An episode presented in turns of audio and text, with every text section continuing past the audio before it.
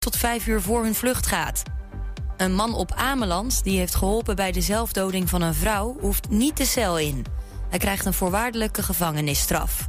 De rechtbank neemt het hem kwalijk dat hij meeging in de doodswens van de vrouw en daarom de spullen leverde die ze nodig had. Maar de man deed het met de beste bedoelingen, zegt de rechter. Kamerlid Wiebren van Haga doet aangifte tegen een agressieve man die gisteren zijn huis binnendrong. Dat meldt het AD.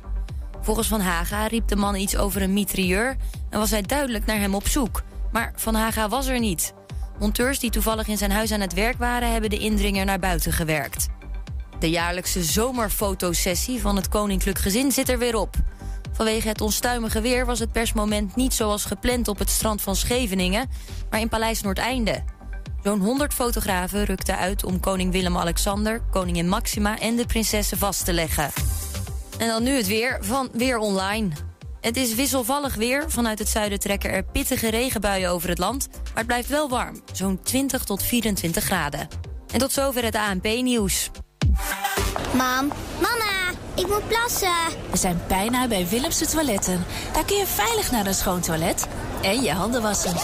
Willemsen Toiletten. Het openbaar toilet in de binnenstad van Enschede. Voor een hygiënisch en plezierig bezoek vindt u in de klanderij. Lever na uw toiletbezoek de waardebon in bij een van de deelnemende winkeliers. Scan de QR-code of kijk op willemsentoiletten.nl.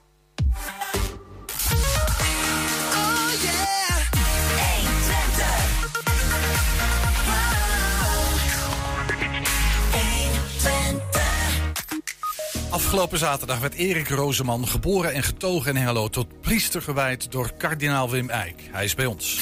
Gisteren ging de nieuwe film van Elvis Presley in première. Maar zaterdag staat Concordia in het thema van The King of Rock and Roll. Je was er een beetje ontroerd van. Ja, ik vind dat mooi. Snap mooi. ik. We hebben een nieuwe stelling van de week met deze week. Ik sta achter het boerenprotest. Ja, ditmaal geen column van vaste columnist Bart Peter Zweem. Maar gelukkig hebben we Femke Nijboer als vervanger. Ik zag er al staan. Het is vrijdag 24 juni en dit is 120 vandaag. 120. 120 vandaag. Het is de grootste subsidievangst sinds de wederopbouw van Roombeek. De gemeente Enschede krijgt een bedrag van bijna 21 miljoen euro van het Rijk. En dat geld is bedoeld voor grote investeringen die de woningbouw versnellen. Kort gezegd, wegen, fietspaden of een complete metamorfose van het stationsgebied met een ondergrondse garage.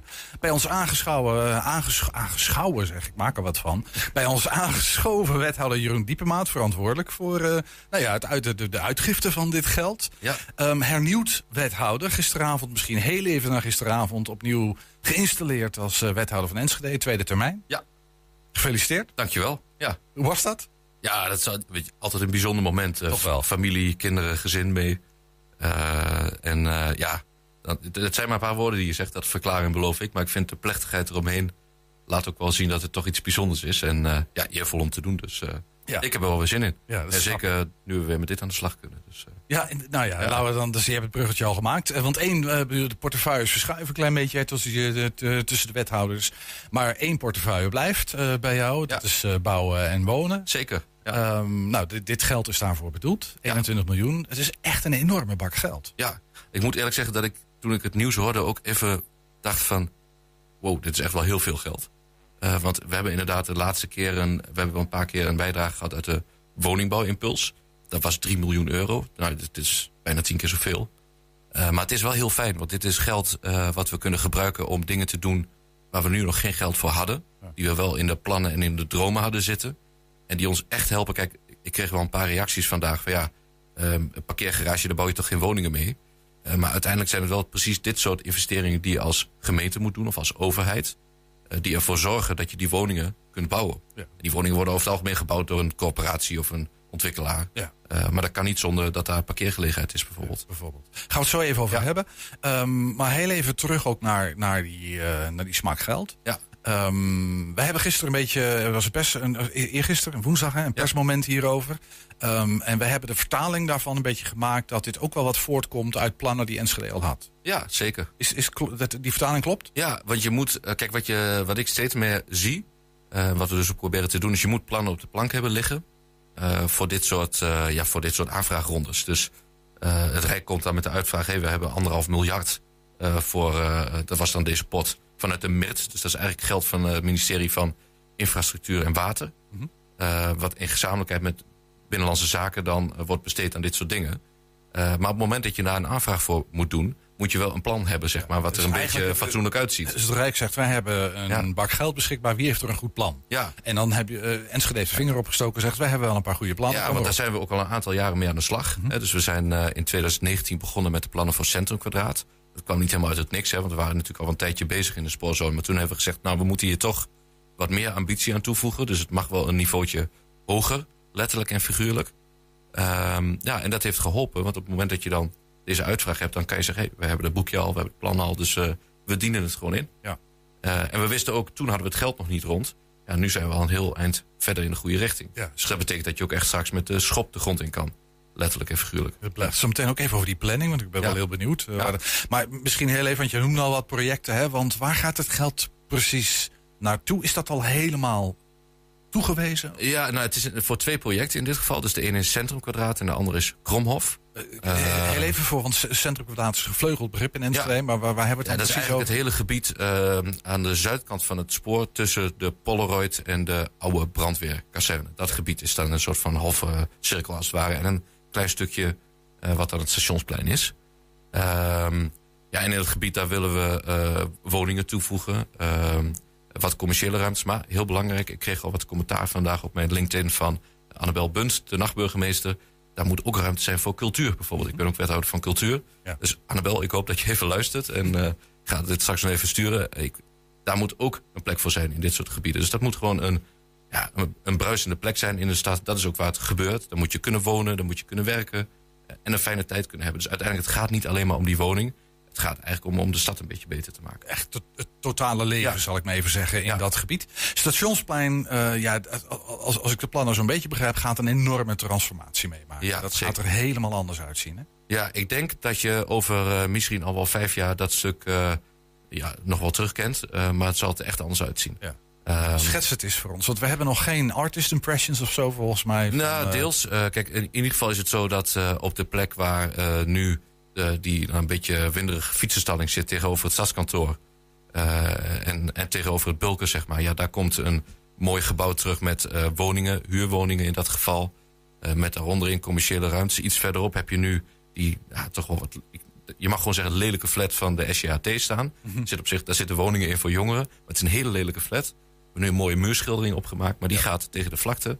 En daar komt wat voor terug. Daar komen nou nog meer woningen voor jongeren voor terug.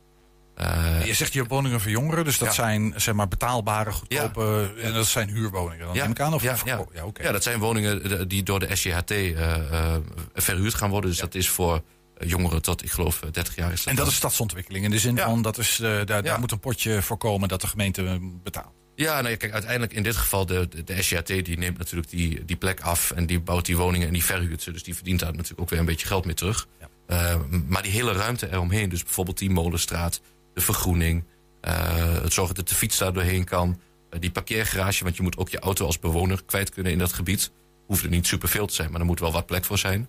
Dat zijn dingen die moeten we dan als gemeente financieren. Ja. En we moeten natuurlijk al die plannen maken. Dat kost ook een beetje geld, maar vooral creativiteit is daarvoor nodig. En, en dan nog iets over parkeren. Er komt Ja. een grote ondergrondse parkeergarage bij het station. Of eh, Ja. waar- nu het stationsplein ligt, aan de oostzijde. Ja, dus je hebt, nu heb je de, de, de stationsgarage aan het stationsplein. Dus je moet nu met je autootje helemaal het stationsplein op en dan die slinger maken en dan kun je daar parkeren. Die willen we eigenlijk eh, op termijn gebruiken voor het bewonersparkeren. Dus daar hoef je als bezoeker niet meer naartoe.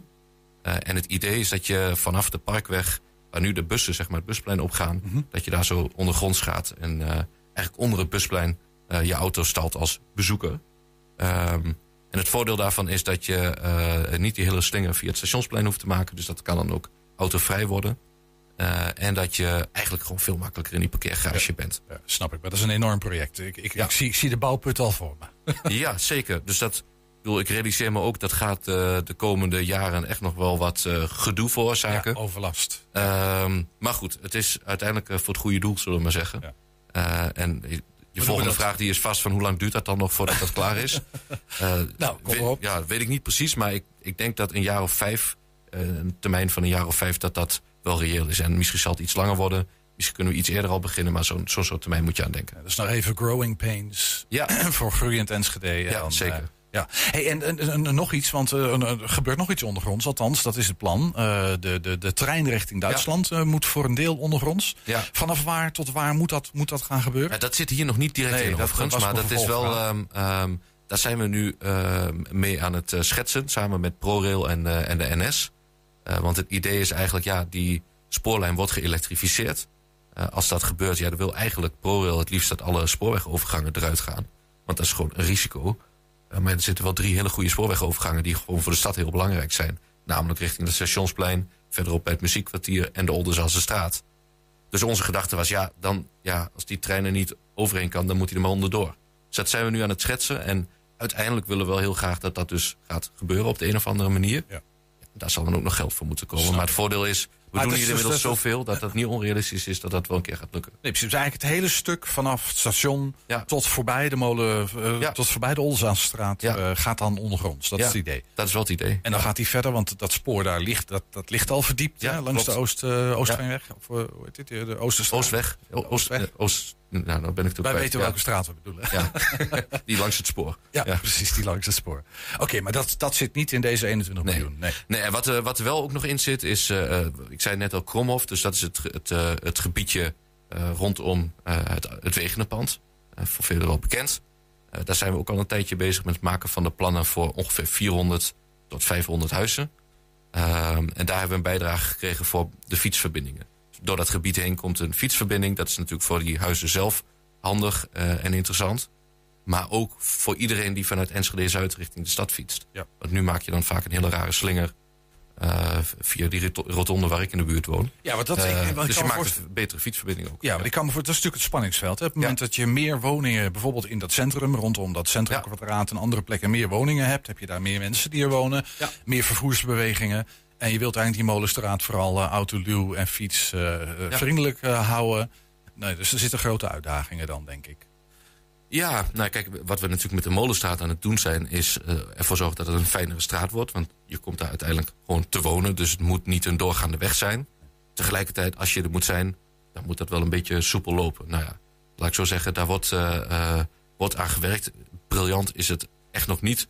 Eh, dus daarom hebben we ook nog een paar dingen opgeschreven in het coalitieakkoord... dat we daar toch nog even goed naar willen kijken. Nou, dat is een mooie klus voor de nieuwe wethouder verkeer. Ja. Ehm, en dan gaat hij vast ook eh, vol energie mee aan de slag. Maar op dat soort plekken, ja, je wilt daar niet dat de auto de hoofdmoot is. Eh, want anders is het ook geen fijne plek in de stad. Dus dat blijft altijd de afweging. En hetzelfde geldt voor Kromhof. Daarvan hebben we ook gezegd, nou, dat moet een wijk worden... waar niet de auto de boventoon voert. Maar ja, als je daar woont, wil je hem natuurlijk wel fatsoenlijk kwijt. Dus daar komt bijvoorbeeld parkeerruimte in die hallen, is een van de ideeën. Eh, dus dan hoeft het ook niet allemaal in het openbaar op straat te staan. Het is ook een beetje verdekt opgesteld. Ja, eh, ja. Beter voor het straatbeeld. Ja, en je, weet je, met, een beetje creativiteit kom je een, eh, kom je een heel eind. Ehm, en je ziet wel dat in alle nieuwe plannen wordt daar wel echt over nagedacht. Bijvoorbeeld in het Janningskwartier hebben we er ook voor gezorgd dat die auto niet zeg maar, de blikvanger op straat is, letterlijk en figuurlijk. Maar dat die achter die gebouwen netjes, netjes opgeborgen wordt. Ja, nee, helder. Hey, je noemde net al vijf jaar, eh, nou ja, ongeveer voor die bouw van die parkeergarage daar onder, de, onder het busstation. Ja. Bij het station eh, in Enschede. Ehm, het, totaal van deze plannen, zeg maar deze 21 miljoen, eh, die molenstraat die aangepakt wordt, Kromhof waar Ja. nieuwbouw gepleegd wordt, Centrumkwadraat. Kan je iets van een tijdpad aangeven voor die dingen? Ja, dat is altijd een beetje... Ja, nou, dat gaat gefaseerd. Kijk, in uh, Centrumkwadraat wordt natuurlijk nu uh, al volop gebouwd langs de Molenstraat. We hebben afgelopen weken in de Stadscommissie Centrum... het bestemmingsplan voor de bulkenlocatie in het Pakhuiskwartier gehad. Nou, die zal uh, uh, dan binnenkort in de raad behandeld worden. als dat klaar is, ja, dan, verwacht ik dat je ergens in, de komende, in het komende jaar... echt de eerste bouwkranen al zult zien op die plek. Stationsplein zal niet zo, dat zal nog iets langer duren, maar is ook binnen, binnen een kwestie van jaren. En Kromhof maken we ook flinke stappen. Dus ik denk, kort samengevat, dat je in de, komende twee, drie, vier jaar echt al heel veel dingen gaat zien gebeuren. Nou, en hopelijk die parkeergarage met een jaar of vijf, zes. Het is een beetje speculeren, want precies weten doe ik het ook niet. Nee, snap ik. Uh, maar dit is wel de richting. En nog heel even de, de samenhang tussen allerlei verschillende plannen. Ik, Ja. ik zit even te denken, hè, dat gebied bij Bulken. Ja. En dan moet die uh, spoorlijn daar liefst ondergronds. Uh, Ja. Ik kan me voorstellen dat je dat liefst tegelijkertijd zou willen doen. Maar dat gaat hem waarschijnlijk niet worden dan. Nee, ja, dat niet helemaal waarschijnlijk. Maar we, kijk, het lastige is, je, je werkt in een bestaande stad. Dus je kan niet alles op stil zetten en, en wachten tot het helemaal perfect is. Dus je moet gewoon beginnen. Uh, dus we doen de dingen die we nu al kunnen doen. Die hele ontwikkeling langs de Molenstraat, die kan los van het spoor gewoon, uh, die kan gewoon beginnen. Uh, en dan proberen we dat gewoon in de loop van de tijd netjes daarin te vlechten. Ja. ja misschien moeten we sommige dingen dan wel eventjes vooruitschuiven. Of, maar dat, dat, ja goed, dat is dan ons werk om dat, om dat goed te doen. Ja. En daar doen we ons best voor. Ja. Nee, precies. Nou ja, binnen een paar jaar transformatie van dat gebied. Ik denk ja. dat we dat rustig mogen zeggen. Dat gaat er echt heel anders uitzien. Uh, met allerlei voorzieningen waar deze 21 miljoen nu voor beschikbaar zijn. Uh, misschien tot slot, uh, Jeroen, nog heel even naar die woningbouw aan zich. Hè. Daar ga jij over. Er is natuurlijk altijd discussie over koop, hoogsegment, laagsegment en ja. sociale huur. Um, in deze plannen, wat zit daar aan, wat, wat, wat, wat van volk komt daar wonen in dat centrumkwadraat? Nou ja, um, uh, Centrum Kwadraat is bij uitstek wel een van de plannen waar relatief veel betaalbare huur en koop in zit. Uh, dus we hebben natuurlijk ook wat plannen in de stad waar het wat duurder is geweest. Was ook een bewuste keuze. Maar we hebben gezegd, hier wil je juist ook jonge mensen een plek geven. Nou, dat zijn meestal niet mensen met meteen een dikke portemonnee.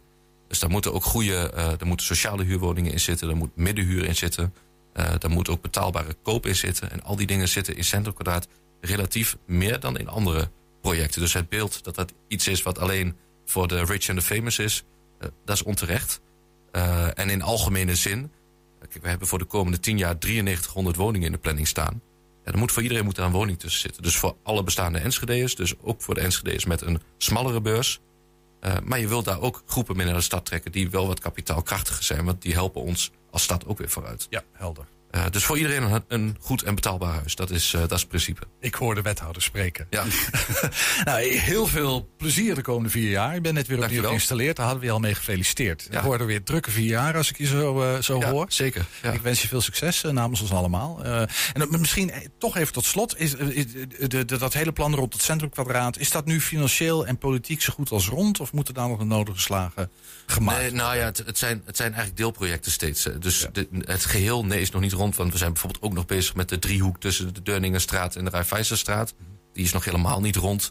Uh, maar we proberen steeds uh, fasegewijs plukjes zeg maar, rond te maken en dan voorstellen te doen aan de raad. Ja. Dus dan hou je ook nog wat bewegingsruimte. Dat is ook het charmante ervan, denk ik. Moet, moet een beetje kunnen blijven spelen. Zo is het. Dus, uh, ja. ja. Dankjewel, Jeroen Diepemaat was dat. Wethouder wonen onder andere in Enschede.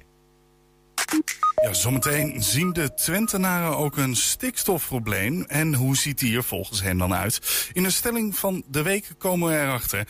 En ook zijn we als podcast te luisteren via alle bekende platforms. Je vindt daar de hele uitzendingen en elke dag één item uitgelicht. 120. 120 vandaag. En dan schuift aan Femke Nijboer uh, op een wonderlijk tijdstip als columniste van de dag. Vervanger van Bart Peters Weem. Uh, vandaag voor het eerst. In die zin een primeur. We hebben je wel vaker aan tafel gehad, maar nog niet als columnist. En het tijdstip is een beetje gek, maar jij kon niet anders, want kinderen moeten een zwemles. Precies. Ja, dat heb je dan. Gebeuren, ja. Je had je dochter net bij je. Ja. Wat een prachtige bos haar. Mooi hè? Ja. Echt geweldig. Als je de microfoon iets dichter bij, uh, bij je mond nog wil, uh, okay. wil trekken. Hey Femke, wat leuk dat je dit uh, wilt doen. Bart vroeg al een tijdje geleden, goh, als ik eens een keer niet kan. vind je het goed dat we dan Femke vragen? Nou, we dachten dat vinden we fantastisch. We hebben niet zoveel vrouwelijke columnisten gehad. En dat is altijd wel mooi. Vind ik. Ik kwam ook gelijk met een ongebruikelijk thema. Je zult het wel horen. Nou, uh, ik, ik, ik sta, wij, wij staan te, te popelen. Steek van wal. Ja. Oeh, oké. Okay. Of ik de column wil overnemen, want hij kan even niet. Bart Peter Weems, jullie gebruikelijke columnist, vraagt het me net op het moment dat ik vol fascinatie, horror en shock naar een advertentie op internet kijk.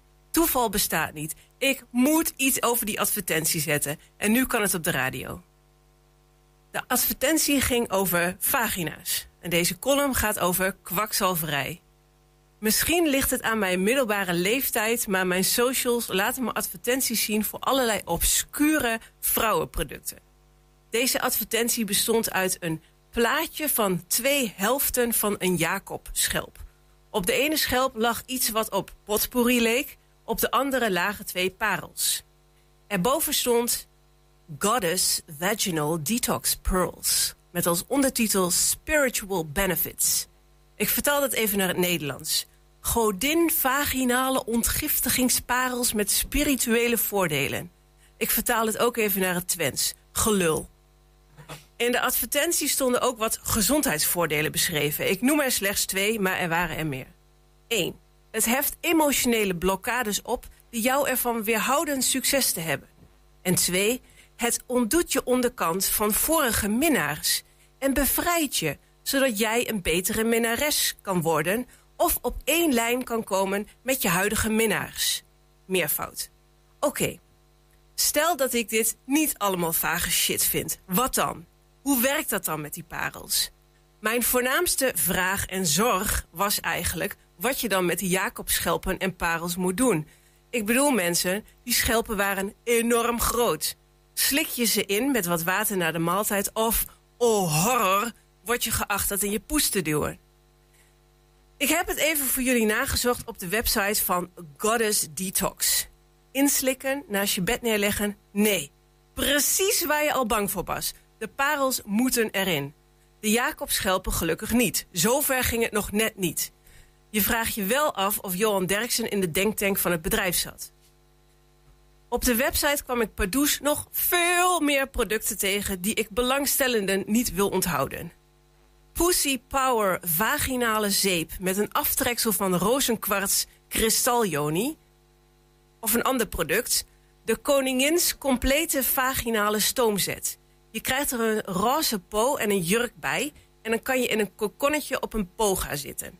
Deze set wordt aangeprezen met de zin... stoom je joni met onze koninginnen vaginale stoom... en krijg weer contact met jezelf. Allemaal lachen, gieren, brullen... maar ik zie op de website ook filmpjes van twee vrouwen... die de parels hebben gebruikt. De een zegt dat ze getraumatiseerd was door een verkrachting... en nu geholpen is door de parels. De andere vrouw zegt dat ze eindelijk zwanger kon raken... na gebruik van de parels. Ze vertellen erover met grote ogen in de camera... Maar ik zie twee vrouwen die met veel verdriet werd aangepraat... dat er iets mis zou zijn met hun geslachtsorganen. Dat er iets mis was met henzelf. Vervolgens konden ze zich met 37 dollar laten genezen. Het is kwakzalverij. Ik stel me voor hoeveel andere mensen met leed deze advertenties zien en erin trappen. Misschien omdat 37 dollar nog altijd minder is dan een doktersrekening. Misschien omdat de reguliere medische wereld en de wetenschap niet meer vertrouwd wordt of onvoldoende de tijd neemt om naar deze vrouwen te luisteren. Maar vooral omdat mensen het beste van een situatie proberen te maken. Dat is mens eigen. Maar lieve vrouwen, alsjeblieft, kunnen we het erover eens zijn dat we ons niet aan laten praten dat onze vagina's vergiftigd zijn en moeten worden gereinigd. Zulke advertenties zijn zelfgiftig. Vagina's zijn fantastisch zoals ze zijn. Ze zijn mooi en zacht, rekbaar en veerkrachtig. Ze kunnen, in tegenstelling tot ballen, tegen een stootje. En ze weten te baren. Wees er vooral lief voor. Ze hebben geen ontgiftiging nodig en ook geen kwakzalverij. Misschien hooguit de eerste helft van dat woord. En dat is een heel slecht eind van de week grapje. Oké, ik sluit af. Wil je toch iets goeds doen voor je eigen vagina of voor die van je vriendin? Nou ja, ik hoef de hint niet uit te spellen. Fijn weekend met elkaar. Femke Nijboer, dankjewel. Maar het is toch een wonderlijk, uh, wonderlijk fenomeen. Ik, ik ken alleen maar mannelijke advertenties voor penisvergroting. Die bestaan er ook. Oh, jullie worden ook wel getarget. Uh, ja, wij worden ook getarget. Ja. Maar ik weet niet wat, je, wat jij op Facebook doet, Terrence. Nee, maar... ik wist dat jij hierom zou gaan lachen. ja, het maar het is een bloedernstig onderwerp, eh, Julian, vergis je niet. Hey. Penisvergroting. Maar er zitten nooit esoterische of spirituele connotaties bij. Dat is gewoon ja. groter en dikker worden. Ja, ongeveer. precies. Dat is het idee. Ja, het speelt in op je angsten. Ja, ja. Ja, speelt ook in op je angsten. Goed, we gaan het niet helemaal psychologiseren. Dankjewel nee. voor de tip voor het, uh, voor het aankomende weekend. Uh, we gaan hem ter harte nemen. Goed Femke zo. Nijboer was dat. Doei, fijn weekend. 120. 120 vandaag. Ja, de boerendemonstraties in Stroe en het Kamerdebat dat volgde absorbeerden de aandacht van de Nederlanders als een soort spons. Veel mensen staan achter de boeren, anderen hebben kritiek op de manier van protesteren. In het oosten is het geen geheim dat er met trots naar de agrariërs gekeken wordt. Maar zien de Twentenaren ook een stikstofprobleem? En hoe ziet deze er dan uit? We trokken Enschede in om dit te onderzoeken met een nieuwe stelling van de week. Als je in het oosten van Nederland woont, kan je het eigenlijk niet hebben gemist. De boerenprotesten van afgelopen woensdag. Als het aan het kabinet ligt, wordt de veestapel gehalveerd over 10 jaar om de stikstof te verminderen. De boeren vinden daar wat van en de Enschedeers ongetwijfeld ook. We onderzoeken het met de stelling, ik sta achter het boerenprotest. Helemaal mee eens. Ja, zeker. Zeker. Ja, tuurlijk. Ik kan me er helemaal voorstellen van die boeren dat ze dat uh, gaan doen. Ja, boeren hebben gelijk. De boeren hebben gelijk? Ja, vind ik. Uh, ja, wat, wat, wat, wat, kan ik erover zeggen? Iedereen, we leven in een vrij land, dus je mag van alles... Uh, op het moment dat je wilt demonstreren, heb je daar natuurlijk alle recht toe. Oh, god, ik kom op tv, of niet? Ja, ik sta achter de boeren natuurlijk. Je staat achter de boeren? Ja. Oneens, sorry. Ah, waar ben je daarmee oneens? Ja, nou... Oké, okay, misschien uh, wel eens, maar hoe ze het uitvoeren ben ik het bij oneens. Ja, het geeft wat overlast, uiteraard. Maar ja, hoe moeten ze het anders doen? Ik zou niet weten hoe ze het anders moeten doen. Ik had wel een innerlijke drang, dacht van ik ga ook naar Stroe. Maar ik dacht, ja, ik had toch een vergadering. Anders was ik waarschijnlijk nog één geweest. Nou, ik ben het gewoon met ze eens. De regering die is, uh, die snapt het niet volgens mij. Het kabinet uh, doet uh, niet alleen dat verkeerd, heel veel dingen verkeerd. Dus daar kun je wel een gesprek van drie dagen over hebben. De boeren die moeten ook wel nog ruimte hebben om wat te kunnen doen. De, verdelen het over alle sectoren. Niet allemaal op de schouders van één, één iemand terechtkomen. Alleen op de boeren. Dat is niet goed. Ik denk wel eens, want als je geen boeren hebt, heb je ook geen eten op plank. Tien jaar geleden moest het groter en groter en groter worden. En nu is die regering van Rutte, die VVD'ers, die zeggen nou moet alles weer heel klein. Dus het is een omgekeerde wereld, hè. Ik vind, ik vind dat stikstofprobleem wordt behoorlijk overdreven. Dus één. Uh, twee, uh, ik kom zelf natuurlijk uit Den Haag. Dus ik ben hier eigenlijk toerist op dit moment. Maar daar worden echt ja, beslissingen genomen waarvan ik ook denk soms dat had wel anders gekund. En ik geef de boeren geen ongelijk. Hoe je draait of verkeerd, de brood die we elke ochtend eten... melk die we drinken, ja, komt van de boeren. Ik heb daar niks mee, echt niet met heel stikstofprobleem niet. Echt. Van mijn part rijdt alles nog op benzine en diesel. Ja, ja dat snap ik wel. Uh, stikstof is niet goed voor de natuur. Dat, dat, dat weten we allemaal. En de, Al jaren. De, de, de boerensector is di, uh, soms ook wel noodgedwongen. Groter geworden met hun vee en alles. Uh, en dat geeft meer stikstof met als gevolg dat de natuur daarmee het, het, het loodje legt. Dat is niet goed. Elvis Presley is misschien wel een van de grootste muzikanten die op deze planeet rondgewandeld heeft. Die krijgt een film. Ja, die heeft al meer films gehad volgens mij, maar dit wordt een bijzondere film. Deze film gaat over het leven van Elvis vanuit het perspectief van een gecompliceerde relatie met zijn mysterieuze manager, Colonel Tom Parker, die gespeeld wordt door Tom Hanks. Dat is niet de minste naam natuurlijk. Morgenavond een vertoning in uh, Concordia. Um, maar er staat nog veel meer op de planning. Live muziek, uh, kunstwerken en een film over de King voor de echte Elvis-fans. Uh, beginnen de mondhoeken al nat te worden. Dus we hebben drie fanaten aan tafel uh, vanmiddag. Dion, Vloggen, Dion Vluggen met het petje. Uh, Willem van Veen aan de linkerkant. beide bandleden van Lin en de Rattlesnakes... die morgenavond zullen spelen ook. en aan mijn linkerkant voor de kijkers rechts zit Rob, Robert Vriezer... betrokken bij de Elvis Fanclub hier in Nederland. Nou, dat is een hele introductie, alles bij elkaar. Welkom, leuk dat jullie er zijn. Dank je wel. Um, die hard Elvis-fans, mag ik dat zo zeggen? Zo mag je dat. Sowieso. Mag je dat Sowieso. Ja. ja, we houden hem wel een leven, ja, graag. Misschien heel even, hè, want we hebben ook jongere kijkers. Ja, je kunt het je bijna niet voorstellen. Maar ik, wellicht zijn er mensen die geen idee hebben wie Elvis Presley...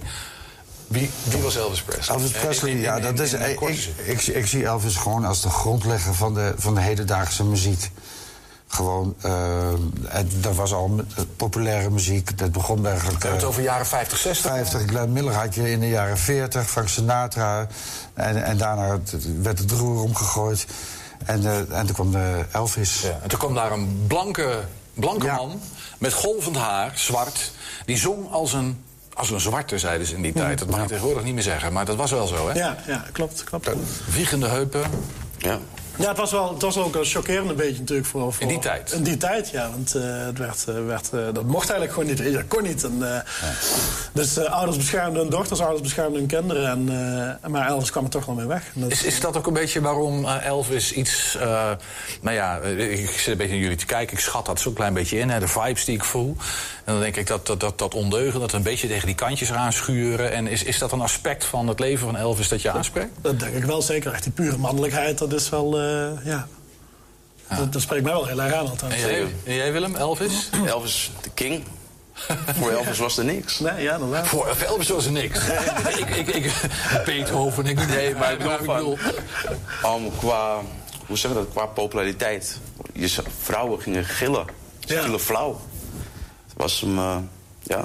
Het is de, de prelude op wat later Beatlemania Ja. is genoemd. Ja, eigenlijk Elvis- hem, de- die, die, die waanzin heeft Elvis ongeveer losgebracht. Maar jullie zijn niet van de generatie die eh, dat live hebben meegemaakt. Nee, nee. wij zijn allebei niet geboren in de tijd dat hij überhaupt eh, Dus- dus- leefde. Dus, Wat maakt dan dat Elvis Presley eh, in jullie... Mijn, va- mijn vader was militair. eh, die ging vaak naar Amerika. En die bracht, en dat is, eh, ik ben van 1964. En die bracht dus eigenlijk de Amerikaanse muziek mee naar huis als hij weer naar huis kwam. Dus je hoorde dus eh, Elvis en je hoorde allerlei andere, zelfs Jim Reeves... en allerlei invloeden uit Amerika die we hier normaal niet hoorden. En dat vond ik wel heel bijzonder. In jouw jeugd Ja, en ik is had- opgegroeid met eh, muziek Ja. van Elvis Presley. Ja. Door je vader. En, en, en bij jou, Willem? Ehm, echt door mijn vader. Ook? Ook? Die speelde gitaar dan. En die speelde een keertje Bluesface Shoes. En ik dacht van, van wie is dat dan? Of wie heeft-. Ja, van wie heeft het nummer dan zo bekend gemaakt? What's ja, the one Elvis. for the money? Two for the show. Ja, precies die. Ja. dus En zo is het begonnen. Ja. Was jij dat nog de eerste liedje van Elvis dat je hoorde waarvan je dacht van... Ja, in de ghetto. In de ghetto. Ja, nog steeds mijn favoriete singeltje van hem. Ja, vind ik prachtig, ja. En, eh, maar dat, ik, maar ik, ik vind al zijn tijden mooi. Je had, je had natuurlijk zijn prachtige ballads. Je had ook zijn, zijn Tupelo-tijden... dat hij gewoon met, met, met, eh, met z'n drieën er nog stonden. En eh z'n vieren. En toen had je op, op een gegeven moment het, het Vegas-gedeelte... dat werd groot en pompieus en vo- volumineus. Dat, werd, dat, werd, dat, werd- ja, dat vond ik heel erg tof. Mijn moeder was altijd heel erg Elvis van. Want mijn haar moeder had een kroeg. En er zat dan een mooie jukebox in Zeeburg. zat vol met Elvis-singeltjes. En dan, zo, zo ben ik er een beetje mee opgegroeid. ja. Mijn vader vond er niet zo heel veel aan. Maar toen kreeg ik wel, toen ik op een gegeven moment 8 of 9 was... kreeg ik wel mijn eerste cd van, van Elvis. En toen is eigenlijk altijd blijven plakken een beetje. Die, eh, Je refereerde er al even aan, hè? die, die Vegas-periode, even voor eh, Elvis Presley, was jong en knap en slank en een soort, nou ja, een king, een god. Ehm, en die werd wereld, wereld, wereld beroemd. En belandde op een gegeven moment in Las Vegas, waar hij elke avond optrad. En Ja. steeds dikker, dikker en groter en, en zweteriger werd. Ja. Met die enorme glimmende pakken van hem. Ja. Dat is ook een periode waarvan ik wel eens, dan zit ik naar hem te kijken en dan krijg ik zo'n medelijden. Weet je, dat is eh, wat treurig. Ik vind het een beetje een treurige periode van. Het is, het is ook heel treurig, maar wat heel veel mensen ook niet weten... is dat als je gewoon de meest bekende zanger ter wereld bent... en je bent zo'n artiest en, en hij stond op en er, er, er stond paparazzi onder zijn bed en alles... en hij had, hij had helemaal geen privéleven. Dus hij, hij stond op en er werd ook heel veel medicatie gebruikt. eh, zelfmedicatie ook, ook in, in, in combinatie met heel veel alcohol. En dan s'avonds moest hij weer downers hebben voor na zijn show. Dus het is allemaal ook door medicatie en heel veel drugs en alcoholgebruik. Een bestaan van, van waanzin bijna. Ja, Maar als ik daarop in mag haken, eh, dat is eh, Elvis, de, het begon, die glamrock, dus Elvis in die pakken, in, eh, begon in 69, 70, en eh, in Las Vegas. Elvis was ook een van de eerste die in, eh, van de populaire artiesten die in Las Vegas echt zo stonden er wel meer. Maar als je nu, nu kijkt, dat Bon Jovi gewoon in Las Vegas staat. En allerlei grote artiesten van nu, zelfs Alice Cooper. En als je ook kijkt dat Elvis in die pakken stond. Maar je had de Jackson 5, de, de Rolling Stones, eh Sonny en Cher. Al die in de jaren 70 had je een beetje dat het zo'n pakkencultuur Ja, was. Ja, Stel je maar eens voor als Elvis in een pak staat als sleet of mut. Hoe had dat eruit gezien? Nee, ja, dat, dat is zeker. Nee, maar het is ook niet. Het is meer de, de- de, combinatie van die, van, die, van die glitter en glamour. En tegelijkertijd een man die ergens ook natuurlijk gewoon ziek was. Hè? Ja. Die, eh, Ja. ja. Ja, je ziet En er- uiteindelijk ook gestorven hè, aan een overdosis. Hij is helemaal Ja. opgeconsumeerd eigenlijk. Ja, hij is- hij heeft zichzelf opgeconsumeerd, Ja, werd zou je heel kunnen zeggen. En wij met elkaar in onze aanbidding voor deze man. Ja, ik, ik denk dat zoals, zoals Elvis had eigenlijk niemand om aan op te trekken. Je zag ook bijvoorbeeld uh, Judy Garland is ook helemaal kapot gegaan. Ja, er dat zijn een grote Hij is de- hij is de enige. ster en hij had niemand. Nee, nee, hij is de enige artiest Ja, die, is in zijn roem een beetje ten onder is gegaan. Als ik jou nou eens vraag, Willem. Elvis, de man, zeg maar, zijn leven en, en alles wat hij heeft meegemaakt, de hoogtepunten, de dieptepunten. Of is het Elvis de muzikant die muziek heeft gemaakt?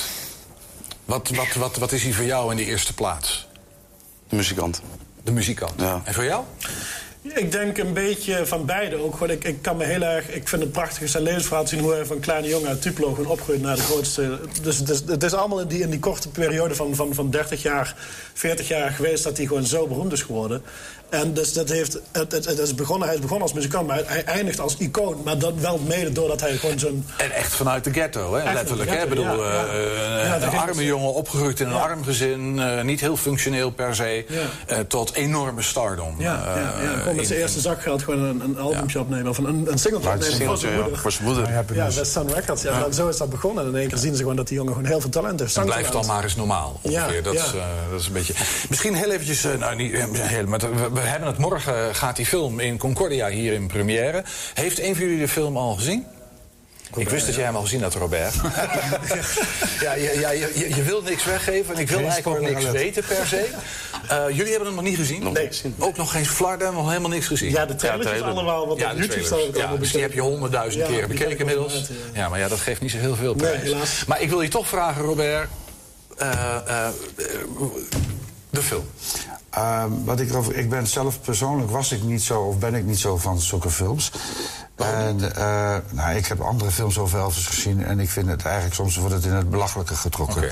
En dat, dat, dat vind ik over- overdreven. En dat komt omdat ik het natuurlijk allemaal zo goed ken. Maar wat ik wel over deze film kan zeggen, wat je er ook van vindt, is hij is overdonderend. Hij is kleurrijk. Eh, sommige details kloppen niet helemaal. Maar het, dit soort snapt- films. We moeten iets te discussiëren Het is ook een, maar je gaat ook, eh, het is ook entertainment. Eh, ik vind persoonlijk dat Austin Butler verschrikkelijk goed acteert. Het is gewoon kippenvel. Dat is de, de, de, acteur die de rol van Ja. Elvis... eh, En Tom Hanks ook. eh, want en- die- die- even, even naar die Tom Hanks, die, want die speelt de rol van, Tom Parker, Parker. ja. En dat is, Tom Parker was de, de agent hè, van, van. Elvis. En dat was een, een ja, wat, eh, wat, wat voor figuur was het? Een Eigenlijk, in, ja, de- daar kan je heel lang over discussiëren. Eigenlijk is Tom Parker eigenlijk net zo beroemd als Elvis. Want die combinatie... Ah, je moet niet overdrijven. Nee, maar, maar, maar wat er gebeurde, als je kijkt, die combinatie tussen eh, met Elvis en, dat was het wel. Je kreeg Aloha from Hawaii, 68 comeback. Nou, die 68 comeback is niet zo gegaan zoals Conan Parker dat wou. Maar dat soort Nee, hij heeft een belangrijke rol gespeeld in Ja, die in- carrière en het leven van En Elvis ook Presley. en in verdere dingen, eh, hij heeft het ook, die films eh, die, eh, die Elvis gemaakt heeft. Elvis was er niet trots op, want die kon daar niet zo goed tegen. Maar het is wel belangrijk, eh, die films die ook zo slecht zijn, dat is wel bepaald dat het grote publiek dat natuurlijk eh, fantastisch vond. De mensen smelten natuurlijk van Elvis in die poppenkast. Ik vind het wat minder. Elvis in de poppenkast. Ja, met eh, dank aan Tom Parker. Ja, Eh, maar het grote publiek vindt het prachtig. Ja, maar, maar, maar je zegt film over overdonderend, overweldigend. Kleurrijk. Eh, kleurrijk, eh, met een paar fantastische rollen. Ja, Tom Hanks is ook niet de minste Ja. natuurlijk.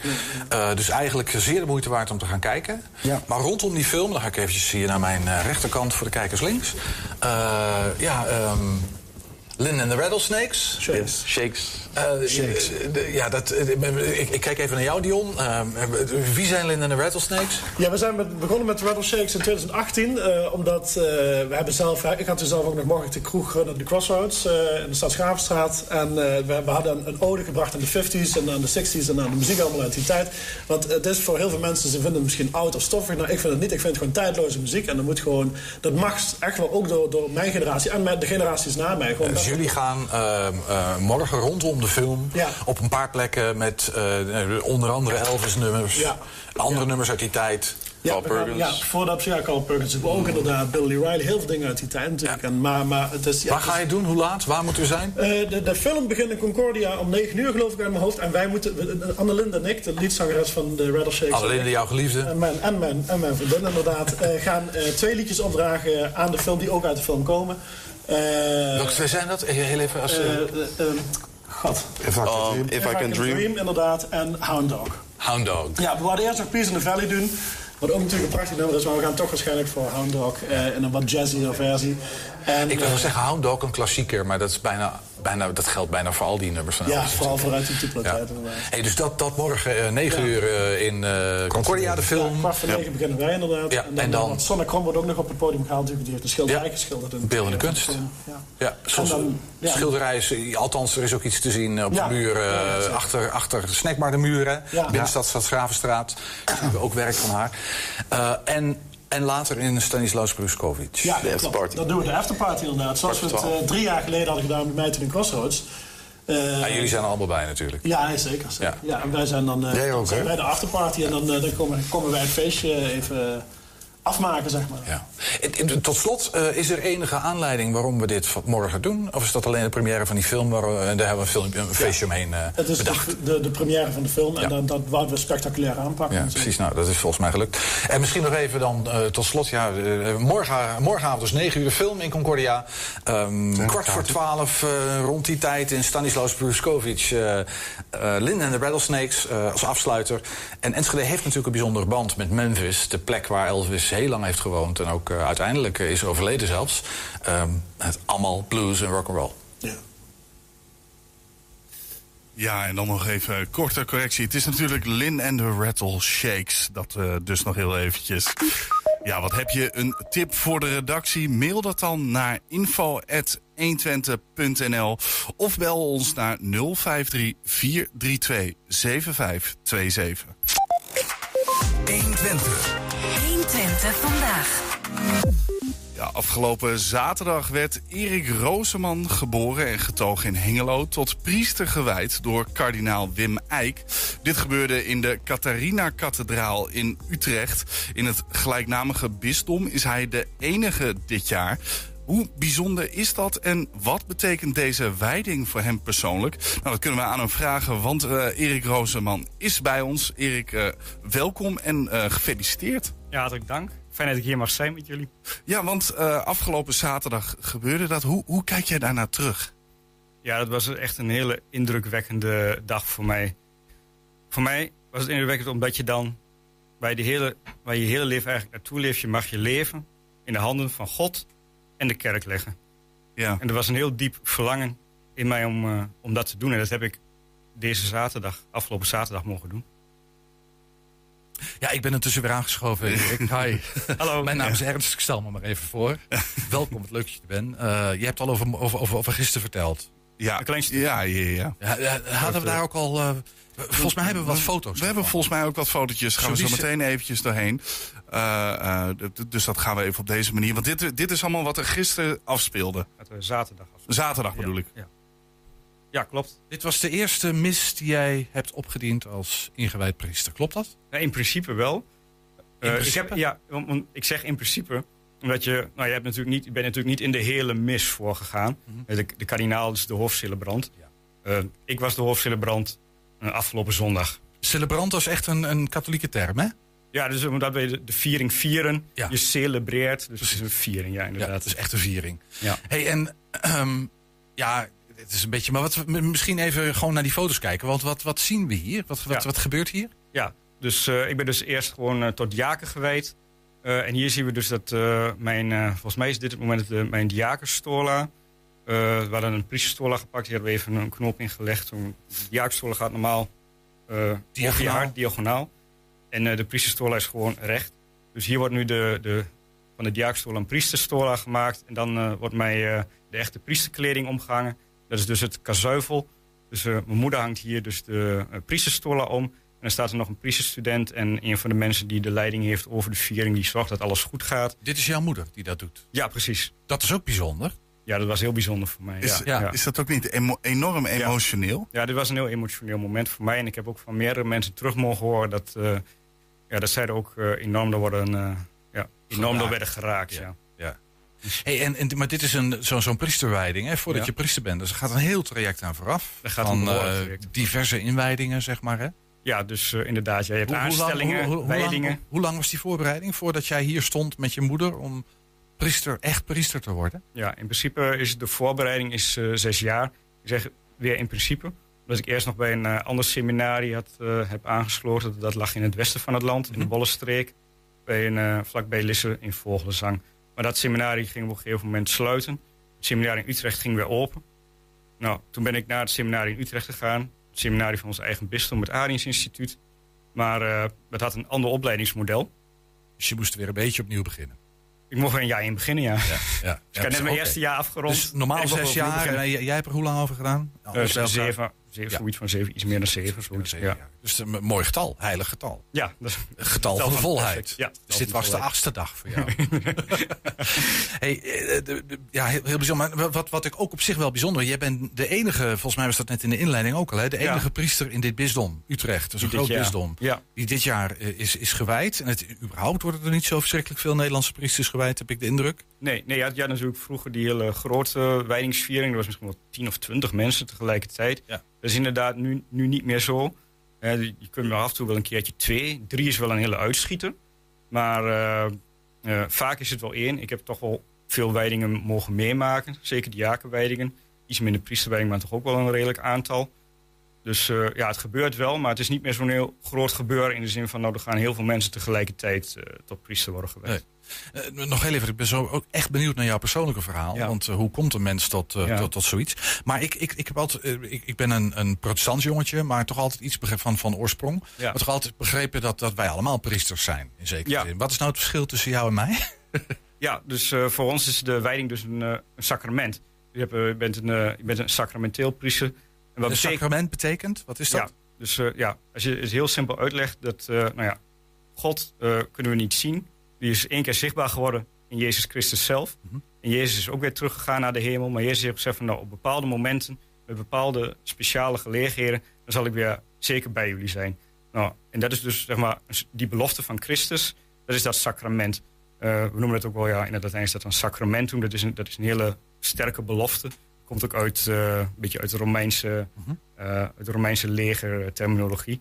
Was, eh, Het zijn eigenlijk de momenten waarop Christus zichtbaar wordt weer, of tastbaar, Ja. voelbaar voor ons mensen. Ja, precies. Dat idee. Ja. En een priester, een gewijde priester, is de bemiddelaar daarvan. Mag ik dat zo zeggen? ik zou zeggen het instrument. Het instrument. Ja, dus eh, als, als eh, je wordt gewijd tot priester, dat betekent je wordt gelijkvormig gemaakt aan Christus. En dan is, oh, dat is allemaal wel mooi, hè? Ben je net zo goed als Christus? Nou, dat is natuurlijk niet het geval, dat weten we allemaal wel. Maar het betekent dat, ja, ondanks met je eigen feilen en tekortkomingen, dat Jezus God toch door jou heen kan werken. Dus je bent eigenlijk een soort instrument in, het hand, in, in de handen van God zelf. dus je hebt je daarvan ah, beschikbaar, zoals zeg maar een penseel in de hand van de schilder, zou ik zeggen. Ja, ja en, en, maar goed, eh, ik wil niet al te, te theologisch, maar het is niet, niet helemaal een antwoord op mijn vraag. Want ik denk, ja, dat, dat, kunnen heel veel mensen voelen. Eh, z- z- zich, zich een instrument in de handen van God voelen. Ja, en misschien zeker. ook wel zijn. Ja, dat blijft ook zo. Ja, oké. Ja, ja, dus daar dus- verandert niks aan. Nee, daar, ieder- iedereen, de- God kan door iedereen inwerken. Dat is inderdaad waar. Maar vanuit de katholieke kijk zeggen we van, nou, we hebben een, een speciaal aantal momenten. Bijvoorbeeld eh eh, doopsel. Eh, dat, dat zou ook wel iedereen kunnen doen. Maar in principe is het gewoon de priester die het zou kunnen doen. Ja, en de Eucharistieviering is een hele belangrijke. Eh, je hebt de, de biecht. nou ja, het vormsel. Dus een aantal van dat soort momenten in het leven van de mens. Ja, waar daar zeggen we van, dat is speciaal ook waar de priester toe geroepen is. Om dat dienstwerk, hè, te zeggen dienstbaarheid ook aan de mensen, om dat, eh, dat, be- dat beschikbaar te hebben. Leo, dan to- toch even naar jouw eigen verhaal. Want hoe Ja. komt een. Want jij bent een relatief jonge man. Ja, niet, 37. niet, niet meer helemaal eh, begin twintig, maar ja, t- toch niet al te oud. Hoe, hoe, hoe is het bij jou zover gekomen? Want je hebt een hele carrière Ja. achter de rug. Hoe, hoe Nou, wordt een mens... carrière, maar... Ja, je hebt van alles nog wat Ja, ik gedaan heb heel veel- Dat heb ik wel- bij wel je doopcel een gedaan. beetje geleerd. Ja, ja, ja. Ehm, maar hoe, hoe is het bij jou zover gekomen dat je dan zegt... En, maar ik, ik, ga, ik ga die weg en ik wil priester worden? Ja, dat was, eh, dat was voor mij heel bijzonder. Ehm, ik begin even in eh, zo rond eh, 2012. Ik, eh, ik heb rechten gestudeerd aan de Universiteit Leiden. En ik was afgestudeerd. En ik dacht van nou, ik sta nu klaar in het leven. Ik, eh, ik wil iets gaan doen. Toen was je Wat- begin wat wil ik nou 20? gaan doen? Je was begin 20. Eh, nee, dat was wel, wel een tijdje in de 20 ook wel. eh, ja. Dus ik was pas zo rond eh, 27, 28. Toen ben ik pas naar het, het seminarie gegaan. Ehm, Maar je had je kreeg- rechten afgerond? Ik had het afgerond. En toen kreeg ik de mogelijkheid om mee te gaan op een bedevaart van het aartsbisdom Utrecht. Dus dit bisdom waar we ons nu ook bevinden. Om naar het plaatsje Lourdes te gaan. Mhm. En dat heb ik toen gedaan. Eh, ik ben met een hele groep mensen daar naartoe gegaan. En ook met de gedachte in het achterhoofd van... eh, nou, wat, wat ga ik nog verder doen met mijn Was je, was, was je op zoek op dat moment naar wat je nou precies met je leven wilde? Ja, op een bepaalde manier wel. Oké. Ja. En maar jij bent, heel even, want we gaan zo naar Lourdes toe hoor. Maar Ja, hoor. ehm, ik ben gewoon even nieuwsgierig, want je ging mee met een bedevaart naar Ja. Lourdes. Ehm, dat, dat impliceert een beetje dat je eigenlijk in je leven altijd wel ehm, gelovig bent geweest. Ja. eh, Dat, dat, dat katholieke geloof vastgehouden. Ik zou zeggen, ik heb eh, altijd wel in God geloofd. Dat wel.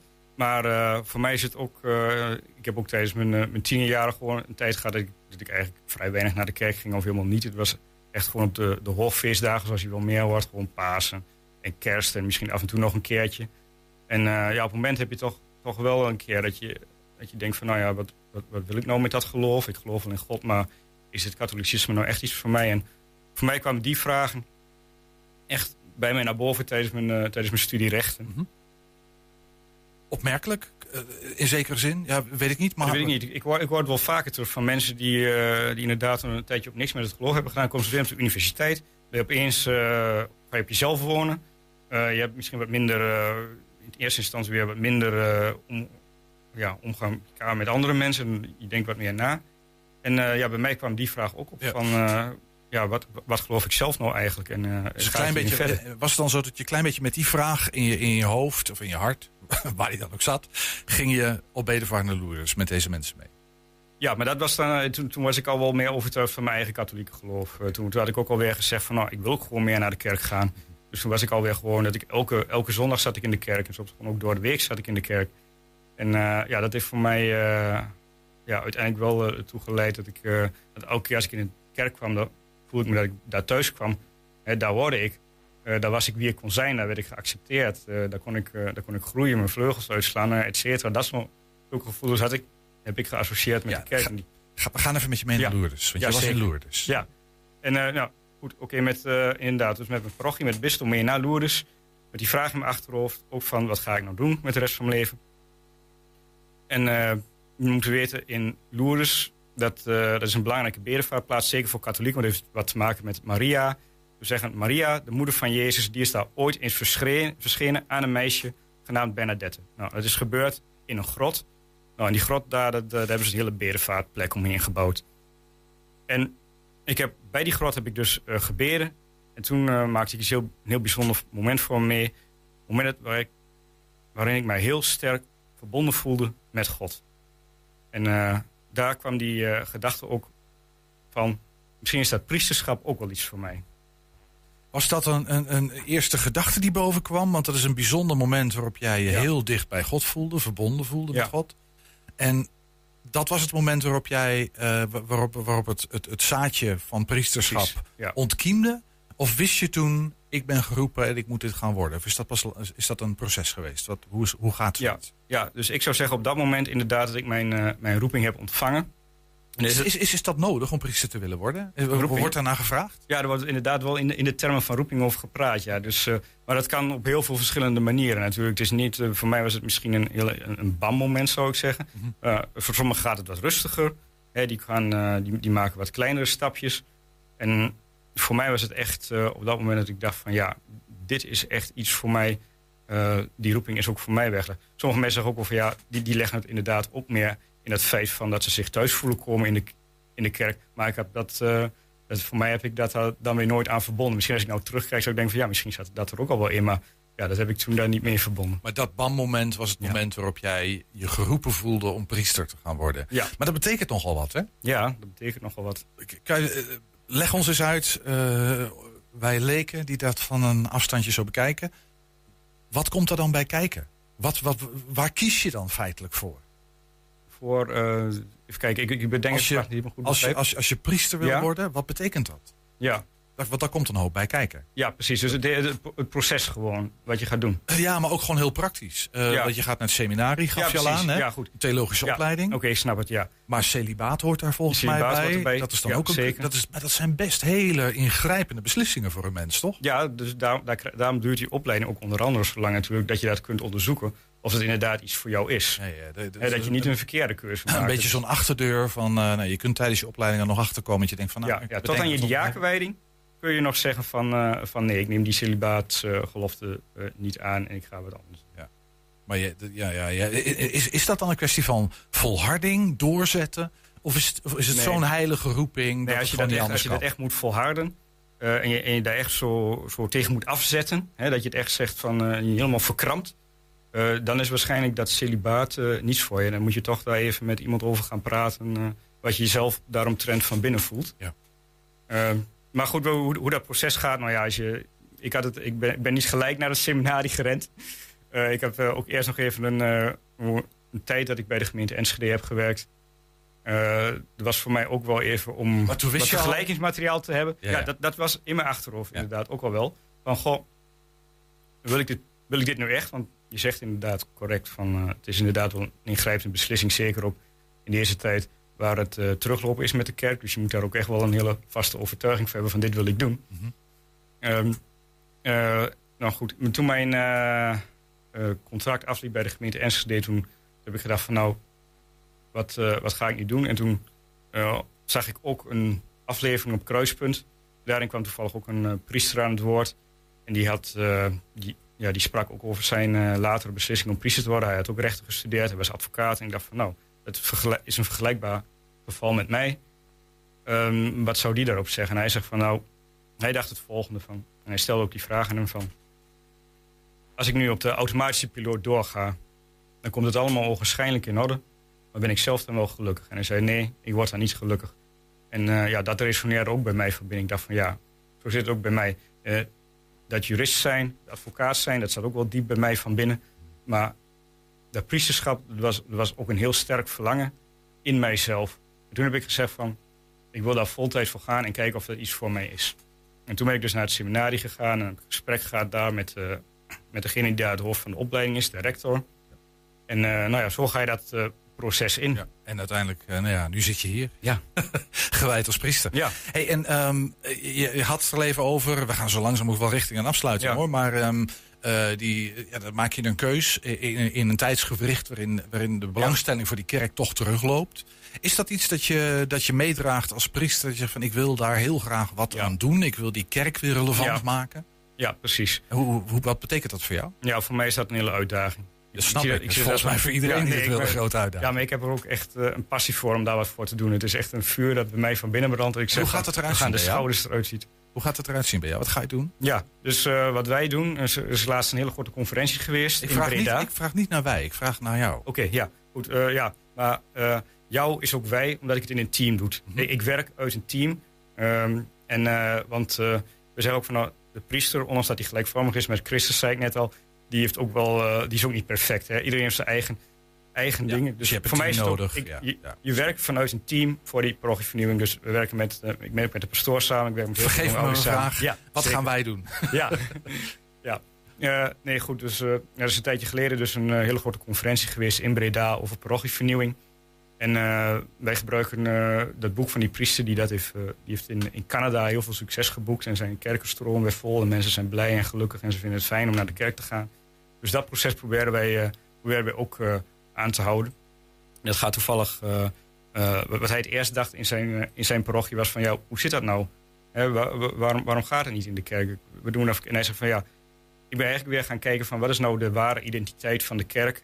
En toen is hij ook in zijn Bijbel gaan bladeren. Wat, wat heeft Jezus nou meegegeven van opdrachten aan die kerk? Toen kwam hij eh ergens een evangelie uit.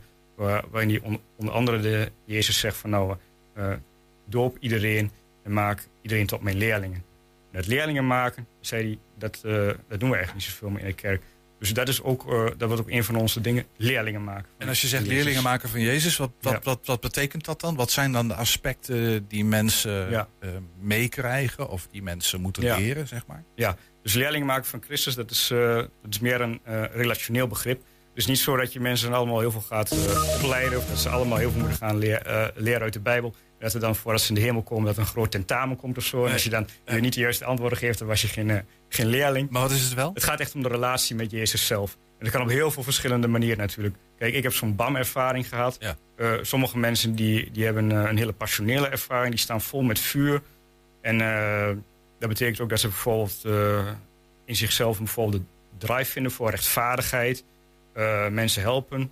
eh, dat soort dingen. Dus echt zo'n, zo, zulke dingen. Dat die tot Dus bloei kunnen die- komen in de parochie. Ja, dus die boodschap die Jezus had van vrede, van liefde, Precies, van naaste gewoon die weg van in de liefde volgen die, Ja, eh, die Jezus ook heeft voorgedaan. Hey, nou, heb jij, heb, heb jij een eigen parochie inmiddels? Zo werkt dat niet. Of hoe, hoe gaat dat? Ja, dus, eh, ja, dus het is zo dat de bisschop, in dit geval kardinaal Eijk, die, eh, die, die zijn de priesters.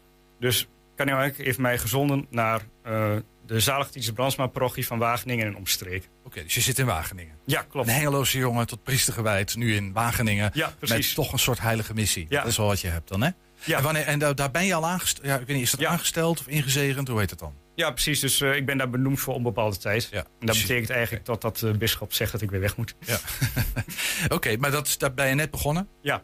Dus ehm, aanstaand weekend eh, je eerste mis daar? Is dat, ja, dat eh, klopt. Ja. Dus eh, net zo, net zo- ja, ik hoop dat het net zo feestelijk kan worden als afgelopen zondag inderdaad. Ja. Nou, dat, dat zal toch haast wel? Ja, ik heb wel de geruchten gehoord. Ja, Ik, dus- ik, het is een beetje oneerbiedig om te zeggen, maar het is een compleet nieuwe loopbaan, mag je bijna zeggen. Ja, ja, het is een loopbaan. Ja, het is niet echt een carrière. Het is een priester ben je. Dat is, het, dat is, het, dat is zeg maar het eindpunt. Ja. En wat er nog bij komt, dat weet je nog niet. Nee. Nou, we wensen je daarbij, dat klinkt ook heel veel zegen dan maar, in plaats Ja. van succes. Zeker, dank jullie wel. dat is een beetje platgeslagen woord. Eh Erik Rozeman was dat. Eh, nou, heel fijn dat je hier even was en dit wilde vertellen.